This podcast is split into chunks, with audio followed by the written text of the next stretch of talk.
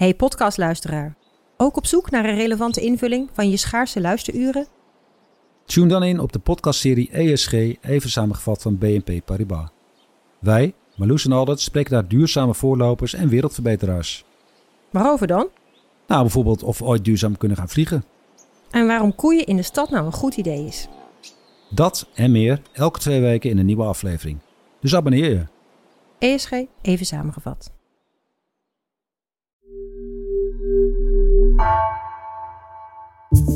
Vanaf de redactie van NRC het verhaal van vandaag. Mijn naam is Egbert Kalsen.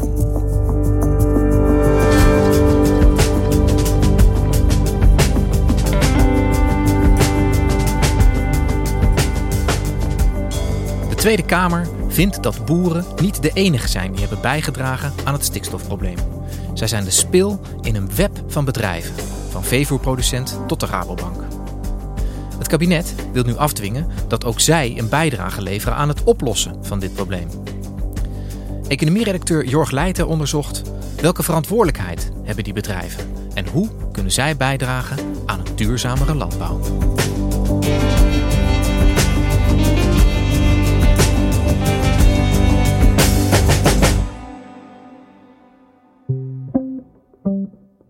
Vorige maand kwam het kabinet met een reeks nieuwe stikstofmaatregelen. En minister Christiane van der Wal die maakte toen ook bekend waar in Nederland de stikstofuitstoot omlaag moet. En dus ook met welk percentage. En dat leidde tot veel protest onder vooral boeren die een belangrijk deel van de uitstoot voor hun rekening nemen. Zij vrezen dat de toekomst van hun bedrijf wegvalt hierdoor. Maar boeren zijn eigenlijk niet de enige die moeten bijdragen aan een oplossing van het stikstofprobleem. Want op 23 juni stemde de Tweede Kamer voor een motie van PvdA-kamerlid Joris Thijssen... waarin het kabinet wordt opgeroepen te onderzoeken of en hoe dan ook andere grote bedrijven in de landbouwsector kunnen bijdragen aan de oplossing van het stikstofprobleem. Overwegende dat het agro-industrieel complex achter de boeren het meest heeft geprofiteerd van de intensieve veehouderij. Overwegende dat het niet eerlijk is om alleen boeren en belastingbetalers te laten opdraaien voor de kosten van de stikstofcrisis. Verzoekt de regering te onderzoeken hoe banken en leveranciers en afnemers met langlopende contracten zijn te verplichten tot een bail-in die een substantieel aandeel in de transitiekosten draagt en gaat over tot de orde van de dag. Dus Thijssen van de PvdA die heeft het uh, over een bail-in. Het, het, het, eigenlijk het plicht laten bijdragen van het agro-industrieel complex, zoals hij dat noemt, uh, aan, aan, aan, de oplossing voor de stikstofcrisis. Um, dat, dat agro-industrieel complex is een lastig woord, ja. maar aan wat voor soort bedrijven moeten we dan denken? Wie horen daarbij? Een boer staat natuurlijk niet op zich. Boer is zeg maar de eindschakel in een, in een hele lange reeks van bedrijven die daarbij uh, bij helpen. Dus je hebt bijvoorbeeld uh, het vee van de boer moet gevoed worden. Dus dat komt van de veevoerproducenten. Denk aan een leverancier van kunstmest. En een hele belangrijke overkoepelende speler is de Rabobank, want die financiert een belangrijk deel van de agrarische sector. Ongeveer 80% van de leningen aan boeren komt van de Rabobank. En samen met collega's Stefan Vermeulen en Eva Smal zijn we in de positie van de bank ten aanzien van de stikstofcrisis gedoken. Ja, Jorg, dus die, de boeren die werken samen met, met heel veel verschillende bedrijven, hè, waarvan de overheid nu ook zegt, jullie moeten bijdragen aan het oplossen van die stikstofcrisis. En jij noemde de Rabobank al, die speelt een belangrijke rol in die agrarische sector. Kan jij eens vertellen hoe die rol er precies uitziet van die bank? Ja, uh, ze hebben op dit moment zo'n 35,7 miljard euro aan leningen openstaan bijvoorbeeld bij die boeren. Dus dat is echt forse aantallen. En ja, een boer heeft vaak op zich niet genoeg geld om zo'n heel bedrijf vanaf de grond af op te bouwen. Of uh, wanneer die bijvoorbeeld wil gaan uitbreiden, dus dan extra stal uit eigen portemonnee te betalen of extra vee aan te schaffen. Dus daarvoor zal hij zich tot de Rabobank moeten wenden. En wat zij bijvoorbeeld doen is, je kan natuurlijk als boer naar een bank toe gaan en zeggen, nou, ik heb een plan en ik wil graag een stal bijbouwen of ik wil een boerenbedrijf beginnen, uh, wil je dat financieren? Maar wat de Rabobank ook doet bijvoorbeeld is als ze een klant hebben en ze zeggen van ja, uh, nou je hebt op dit moment zoveel koeien staan of zoveel zeugen staan, varkens. Um, maar zou het niet aantrekkelijker voor je zijn om een wat groter bedrijf te hebben? En zou je misschien uit de kosten kunnen komen als je net wat meer varkens hebt staan en of koeien. En dat willen wij dan wel financieren. Dus zij treden ook proactief naar die boeren toe. We zeggen van joh, kunnen wij nog wat voor je betekenen bijvoorbeeld. Ja. Dus ze hebben best wel een grote rol in het ontstaan van ehm, nou ja, de grootte van de veestapel zoals die nu is en de grootte van die boerenbedrijven zoals dat nu zijn. Ja, dus ze hebben eigenlijk via die leningen eigenlijk bijgedragen aan de groei van de sector, zou je kunnen zeggen. Zeker, zeker. En daar natuurlijk ook van geprofiteerd. Ik bedoel, Rabobank doet het natuurlijk ook niet voor niks. En wat je dus ook hoort in die motie van dat PvdA-kamerlid Thijs, die zegt ook heel nadrukkelijk, ja, die Rabobank die was zich dus wel heel bewust van het probleem. Die wisten dat door de sector te laten groeien, dat ook bijvoorbeeld stikstof uit toe zou nemen. En is toch lening blijven uitgeven. Dus uiteindelijk zegt hij nu van ja, je hebt, de, je hebt het probleem mede gecreëerd. Je hebt de groei gecreëerd, gefinancierd. Dus nu moet je ook bijdragen aan een oplossing. Dus Thijssen die doet eigenlijk heel nadrukkelijk een beroep op de maatschappelijke verantwoordelijkheid, zou je kunnen zeggen, die een bank ook heeft. En ja, tegelijkertijd is een bank natuurlijk ook gewoon een commercieel bedrijf dat geld wil verdienen. Hoe, hoe, hoe zit dat? Ja, dat is natuurlijk een hele lastige. Kijk, een bank moet zich aan allerlei regels houden, maar maatschappelijke verantwoordelijkheid is niet in hele strikte regels gevat natuurlijk. Hè. Er zijn wel regels over hoe je als bank moet gedragen, et cetera. Maar echt het afdwingen via regels dat ze hun maatschappelijke verantwoordelijkheid nemen, hun rol hier nemen, is vrij lastig. En, en dat debat over verduurzaming, dat is al een tijdje gaande. Hè? Dat is niet alleen van dit stikstofdossier. Zijn jullie nou in je, in je onderzoek naar onder andere de Rabobank voorbeelden tegengekomen van hoe die bank opereert? Waaruit eigenlijk blijkt dat zij niet uh, meegaan in die trend van verduurzaming? Ja, wij zijn met een aantal boeren gaan praten. We zijn met zes boeren gaan praten. En wat je eigenlijk ziet is, iedere boer heeft natuurlijk zijn eigen verhaal. Maar terugkerend thema is wel dat het best wel lastig is om die verduurzaming gefinancierd te krijgen. Dus een boer heeft een plan. Die zegt, ik wil um, innoveren in mijn stal of ik wil biologisch worden. Dat betekent dat ik met minder vee uit ga moeten, maar wel meer land nodig heb. Nou, Rabobank, kunnen jullie dat helpen financieren? En een van hen is uh, boer Arie, Arie de Waard. Ik ben Arie de Waard. Ik woon bij Amsterdam, landelijk Noord. Ik heb daar een boerderij. En ik heb 25 hectare land, 20 koeien, 8 stuks jongvee. En die wilde omschakelen naar een meer biologische, natuurinclusieve, zoals ze dat noemen, manier van landbouwbedrijven. En daarvoor wendde hij zich tot de Rabobank. De Rabobank is mijn huisbank, dus je bent verplicht om je huisbank als eerste eh, te benaderen voor een hypothecaire lening. En hij zei, oké Rabobank, ik heb een plan. Ik wil biologisch gaan boeren. En ik heb nog twee ton nodig, 200.000 euro. En uh, nou ja, vertelt, uh, je legt alles op tafel zeg maar. En uh, nou, ze vonden het wel interessant, die duurzaamheid. Dus nou ja, dan ga je dat traject in. Je zoekt al je paparazzen bij elkaar en dat wordt dan beoordeeld.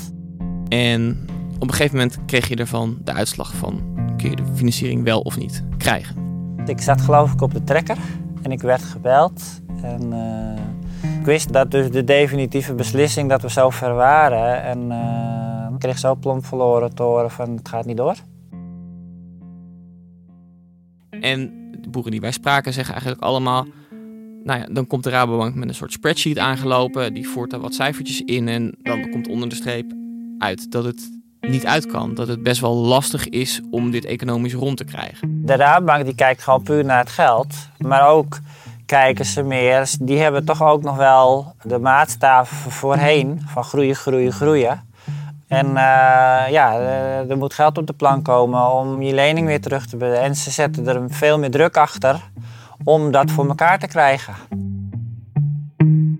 Uiteindelijk kreeg je die financiering dus niet van de Rabobank. En hij heeft het wel het plan wel rondgekregen, want hij is, uh, heeft een bijdrage gekregen uit een soort duurzaamheidsfonds van de overheid. En dan kijken ze naar hele andere zaken. Want dan kijken ze van, heb je, hoe is je bodem? Wat voor, wat voor gewassen staan er op je land? heb, je, heb, je, heb je kruidenrijk grasland? Hoe doe je dat met uh, gewasbeschermingsmiddelen? Gebruik je die? Nee, die gebruik ik niet. Ik ben biologisch wil ik worden. En dat soort zaken. Er wordt op een hele andere manier gekeken naar hoe jij als bedrijf bezig bent. En uh, daar kijkt de Rabobank kijkt daar niet naar. Dus uiteindelijk had hij de Rabobank niet nodig, maar is hij nu wel biologisch boer geworden. Maar Arie is dus een van de voorbeelden van de boeren die we hebben gesproken. We hebben ook nog een aantal andere boeren gesproken. En die staan eigenlijk voor een veel bredere groep. Die zeggen van, nou, we willen nu al biologisch worden. Maar het lukt gewoon niet, omdat we bij de grootste financier van de sector, de Rabobank, die financiering niet kunnen krijgen.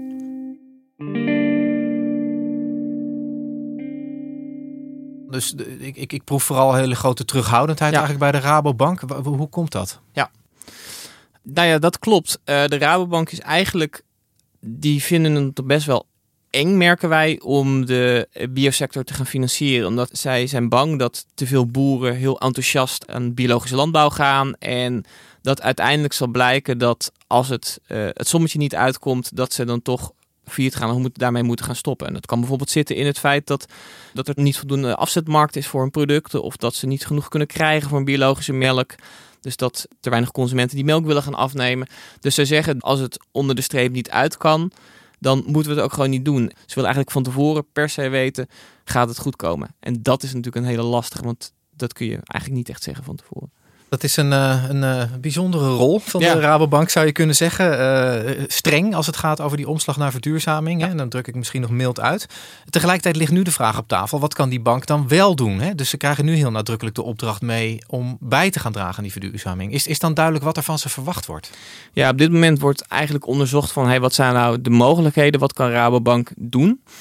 En een van de dingen waar dat PvdA-Kamerlid Joris Thijssen toe heeft opgeroepen is omdat de bank ook leningen kan gaan kwijtschelden. Dus het ministerie probeert natuurlijk boeren nu zover te krijgen dat ze stoppen, dat ze hun veestapel van de hand doen uh, via een zogeheten uitkoopregeling. Maar het lastige voor die boeren is wel dat als zij het geld wat zij daarvoor krijgen direct naar de Rabobank moeten overmaken, dat ze eigenlijk niks meer hebben om weer ja, een nieuw uh, leven op te bouwen en een nieuwe beroep eigenlijk in te vinden. Dus de vraag is eigenlijk van kan de Rabobank niet een deel van die leningen kwijtschelden, zodat het voor boeren ook makkelijker wordt om zich bijvoorbeeld voor zo'n uitkoopregeling aan te melden. Maar leningen kwijtschelden, dat doet een bank niet zo graag volgens nee, mij. Het is, uh, de bank zegt het is spaargeld van bijvoorbeeld jij en ik misschien. En dat hebben we gewoon uitgeleend aan allerlei uh, mensen die een hypotheek of die een lening nodig hebben, zoals bijvoorbeeld boeren. Dus wij kunnen dat niet zomaar doen en dat mag ook niet van de ECB, de Europese Centrale Bank. Uh, want dan schep je een soort precedent. En dan, ja, in wat voor situaties kun je dan nog steeds nog ook allemaal leningen kwijtschelden. Dus dat is niet zo heel makkelijk. Nee, dus die deur heeft de Rabobank eigenlijk zelf alweer dichtgegooid, ja. dat kwijtschelden van die leningen. Zijn er nou vanuit het perspectief van de bank nog andere mogelijkheden, zeg maar minder, minder uh, heftige mogelijkheden voor de bank zelf om toch bij te dragen aan die omslag? Nou ja, ze kunnen bijvoorbeeld um, wat uh, soepeler omgaan met aanvragen zoals die van Boer Ari um, als het gaat om verduurzaming. Dus dat je niet alleen maar kijkt van klopt het tot op de komma, maar lopen we hier misschien net wat meer risico, maar financieren we hiermee wel verduurzaming van de sector. Een andere optie is dat de Rabobank gaat bijdragen aan het zogeheten stikstoffonds. Dat is dat fonds van 25 miljard euro dat minister Van der Wal heeft klaargezet om die boeren gericht uit te kopen. Zij van zeggen, nou ja, op landelijk niveau willen we niet bijdragen aan het stikstoffonds. Maar hè, we hebben onze wortels in de regionale, uh, met regionale banken echt, echt in de gebieden waar de boeren zitten. Dus misschien willen we daar wel een financiële bijdrage leveren aan regionaal stikstoffonds bijvoorbeeld. En het uh, idee daarachter is dat uh, niet de belastingbetaler dan alleen maar opdraait voor het uitkopen van die boeren, maar bijvoorbeeld ook de sector, een, bank die mede verantwoordelijk wordt, kan worden gehouden voor dat probleem, ook mee betaalt daaraan. Maar of ze het nou uh, zien zitten of niet, uh, de mensen bij de Rabobank van de Tweede Kamer en waarschijnlijk dus ook van het kabinet, zullen ze mee moeten. Hè? Zullen ze die omslag moeten maken en hun eigen verantwoordelijkheid moeten gaan nemen in het oplossen van die stikstofcrisis. Dat agro-industrieel complex, dat beslaat natuurlijk veel meer dan alleen de Rabobank. Um, hoe, hoe zit dat met die andere bedrijven die jij eerder noemde? Hoe staan die hierin? Ja, eerder hebben we ook onderzoek gedaan naar bijvoorbeeld de veevoerproducenten en hoe zij zich verhouden tot die boeren. Je hebt in Nederland drie grote veevoerproducenten. Die hebben samen ongeveer 70 tot 75 procent van de markt in handen. Dat zijn De Heus, For Farmers en Agifirm. En zij halen allemaal op jaarbasis, nou ja, 1 tot 2 miljard euro aan omzet van de Nederlandse markt. Dus eigenlijk wat ze aan veevoer aan die boerenbedrijven verkopen. En je kunt eigenlijk ook zo zien als die veestapel met 20 tot 30 procent inkrimpt, betekent dat, ja, je kunt het niet helemaal één op één doorvertalen, maar dat betekent dat zij van die miljard of ruim een miljard ja, 100, 200, 300 miljoen euro omzet zien wegvallen. Ja, dat is best wel ingrijpend voor ze. Dus zij zijn er ook niet zo heel erg grappig op dat die veestapel nou kleiner wordt. Hetzelfde geldt voor een Friesland Campina, dat minder melk ziet komen en minder melk kan verkopen. Daardoor uh, producent van kunstmest, biologisch duurzaam boeren, is natuurlijk meer gericht op de natuur zijn werk laten doen. Die koeien lekker laten grazen in het land en minder werken met kunstmest. Dus er zijn allerlei spelers die er eigenlijk helemaal geen belang bij hebben dat die sector kleiner wordt. Hey, en vertaalt dat economisch belang van dit soort bedrijven zich dan ook in, in steun aan de boeren? Heb je daar iets van teruggezien? Ja, nee, zeker. Um, we hebben dat grote protest in Stroe in Gelderland gehad. En daar zag je bijvoorbeeld dat die bedrijven, die veevoerproducenten, leverden ook een financiële bijdrage aan dat protest. Dus bijvoorbeeld het podium, geluidsinstallaties die werden gebruikt, reclamecampagnes die er werden gemaakt. Dat werd allemaal mede gefinancierd door de veevoerindustrie, die gewoon een financiële bijdrage aan leverde. Maar je zag bijvoorbeeld ook in Friesland Campina, al die boeren die er waren, moesten natuurlijk ook eten. Dus die hebben heel veel kaas geleverd daar om op broodjes te doen. Friesland Campina was er ook met een paar bestuursleden. Dus zij spreken ook wel nadrukkelijk hun steun uit voor die boeren en gaan daar ook echt achter staan. Omdat zij ook zien, ja, als zij gedwongen kleiner moeten worden of moeten gaan stoppen, dan raakt dat ons ook direct. Dus zij scharen zich gewoon heel erg achter die boeren op dit moment. Ja, ze hebben dus veel te verliezen, zou je kunnen zeggen, bij het eh, stoppen met de oude manier van landbouwbedrijven. Ja. Uh, en toch vraagt de overheid ook aan dit deel van het agro-industrieel complex om mee te gaan werken. Wat, waar moeten we dan aan denken? Wat zou hun rol kunnen zijn? Ja, dat wordt op dit moment eigenlijk nog onderzocht. Je zou kunnen denken aan een bijdrage, een financiële bijdrage aan het stikstoffonds. Maar we weten het eigenlijk gewoon nog niet precies. Uh, de overheid is nu bezig, naar aanleiding van die motie van dat PvdA-kamerlid Joris Thijssen, om te bekijken van hey, welke opties zijn er allemaal. En daar zal later meer duidelijkheid over moeten komen.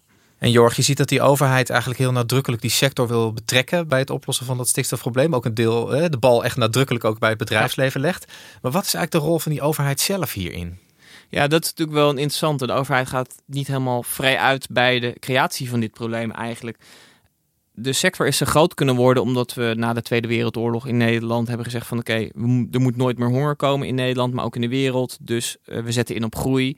Maar uiteindelijk werd ook wel duidelijk dat de grenzen van de groei zeg maar wel bereikt uh, zijn. In 2008, 2009 had je bijvoorbeeld al discussie over de stikstofuitstoot. En toen was ook al wel duidelijk dat de landbouw te veel stikstof zou uitstoten. Nou, toen is er met wat kunstgrepen is het zogeheten programma aanpak stikstof um, in elkaar gezet.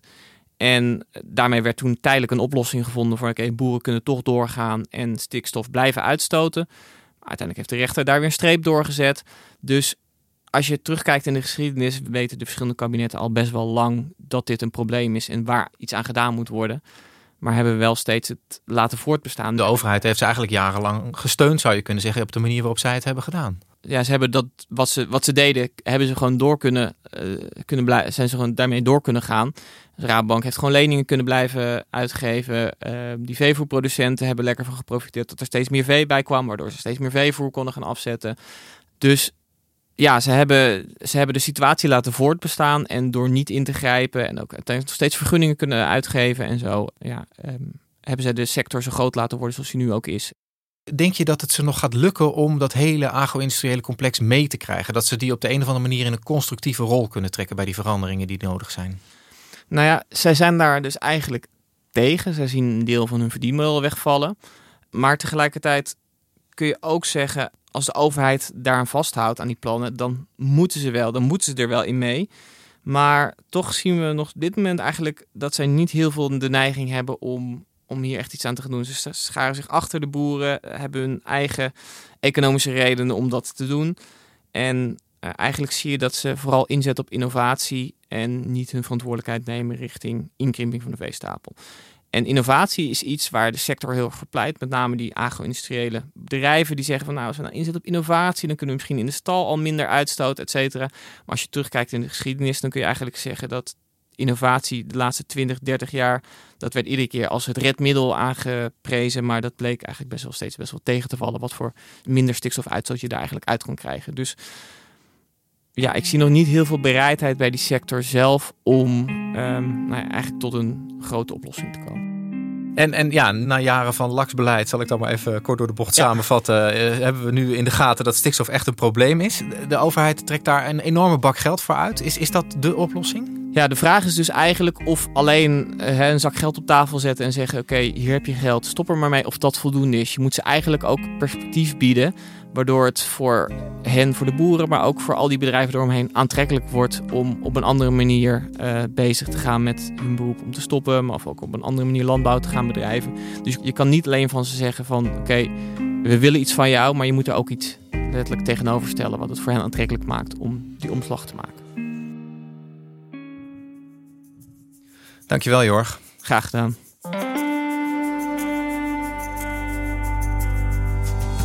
Je luisterde naar vandaag, een podcast van NRC. Eén verhaal, elke dag. Deze aflevering werd gemaakt door Mila Marie Bleeksma en Ruben Pest. Dit was vandaag, morgen weer.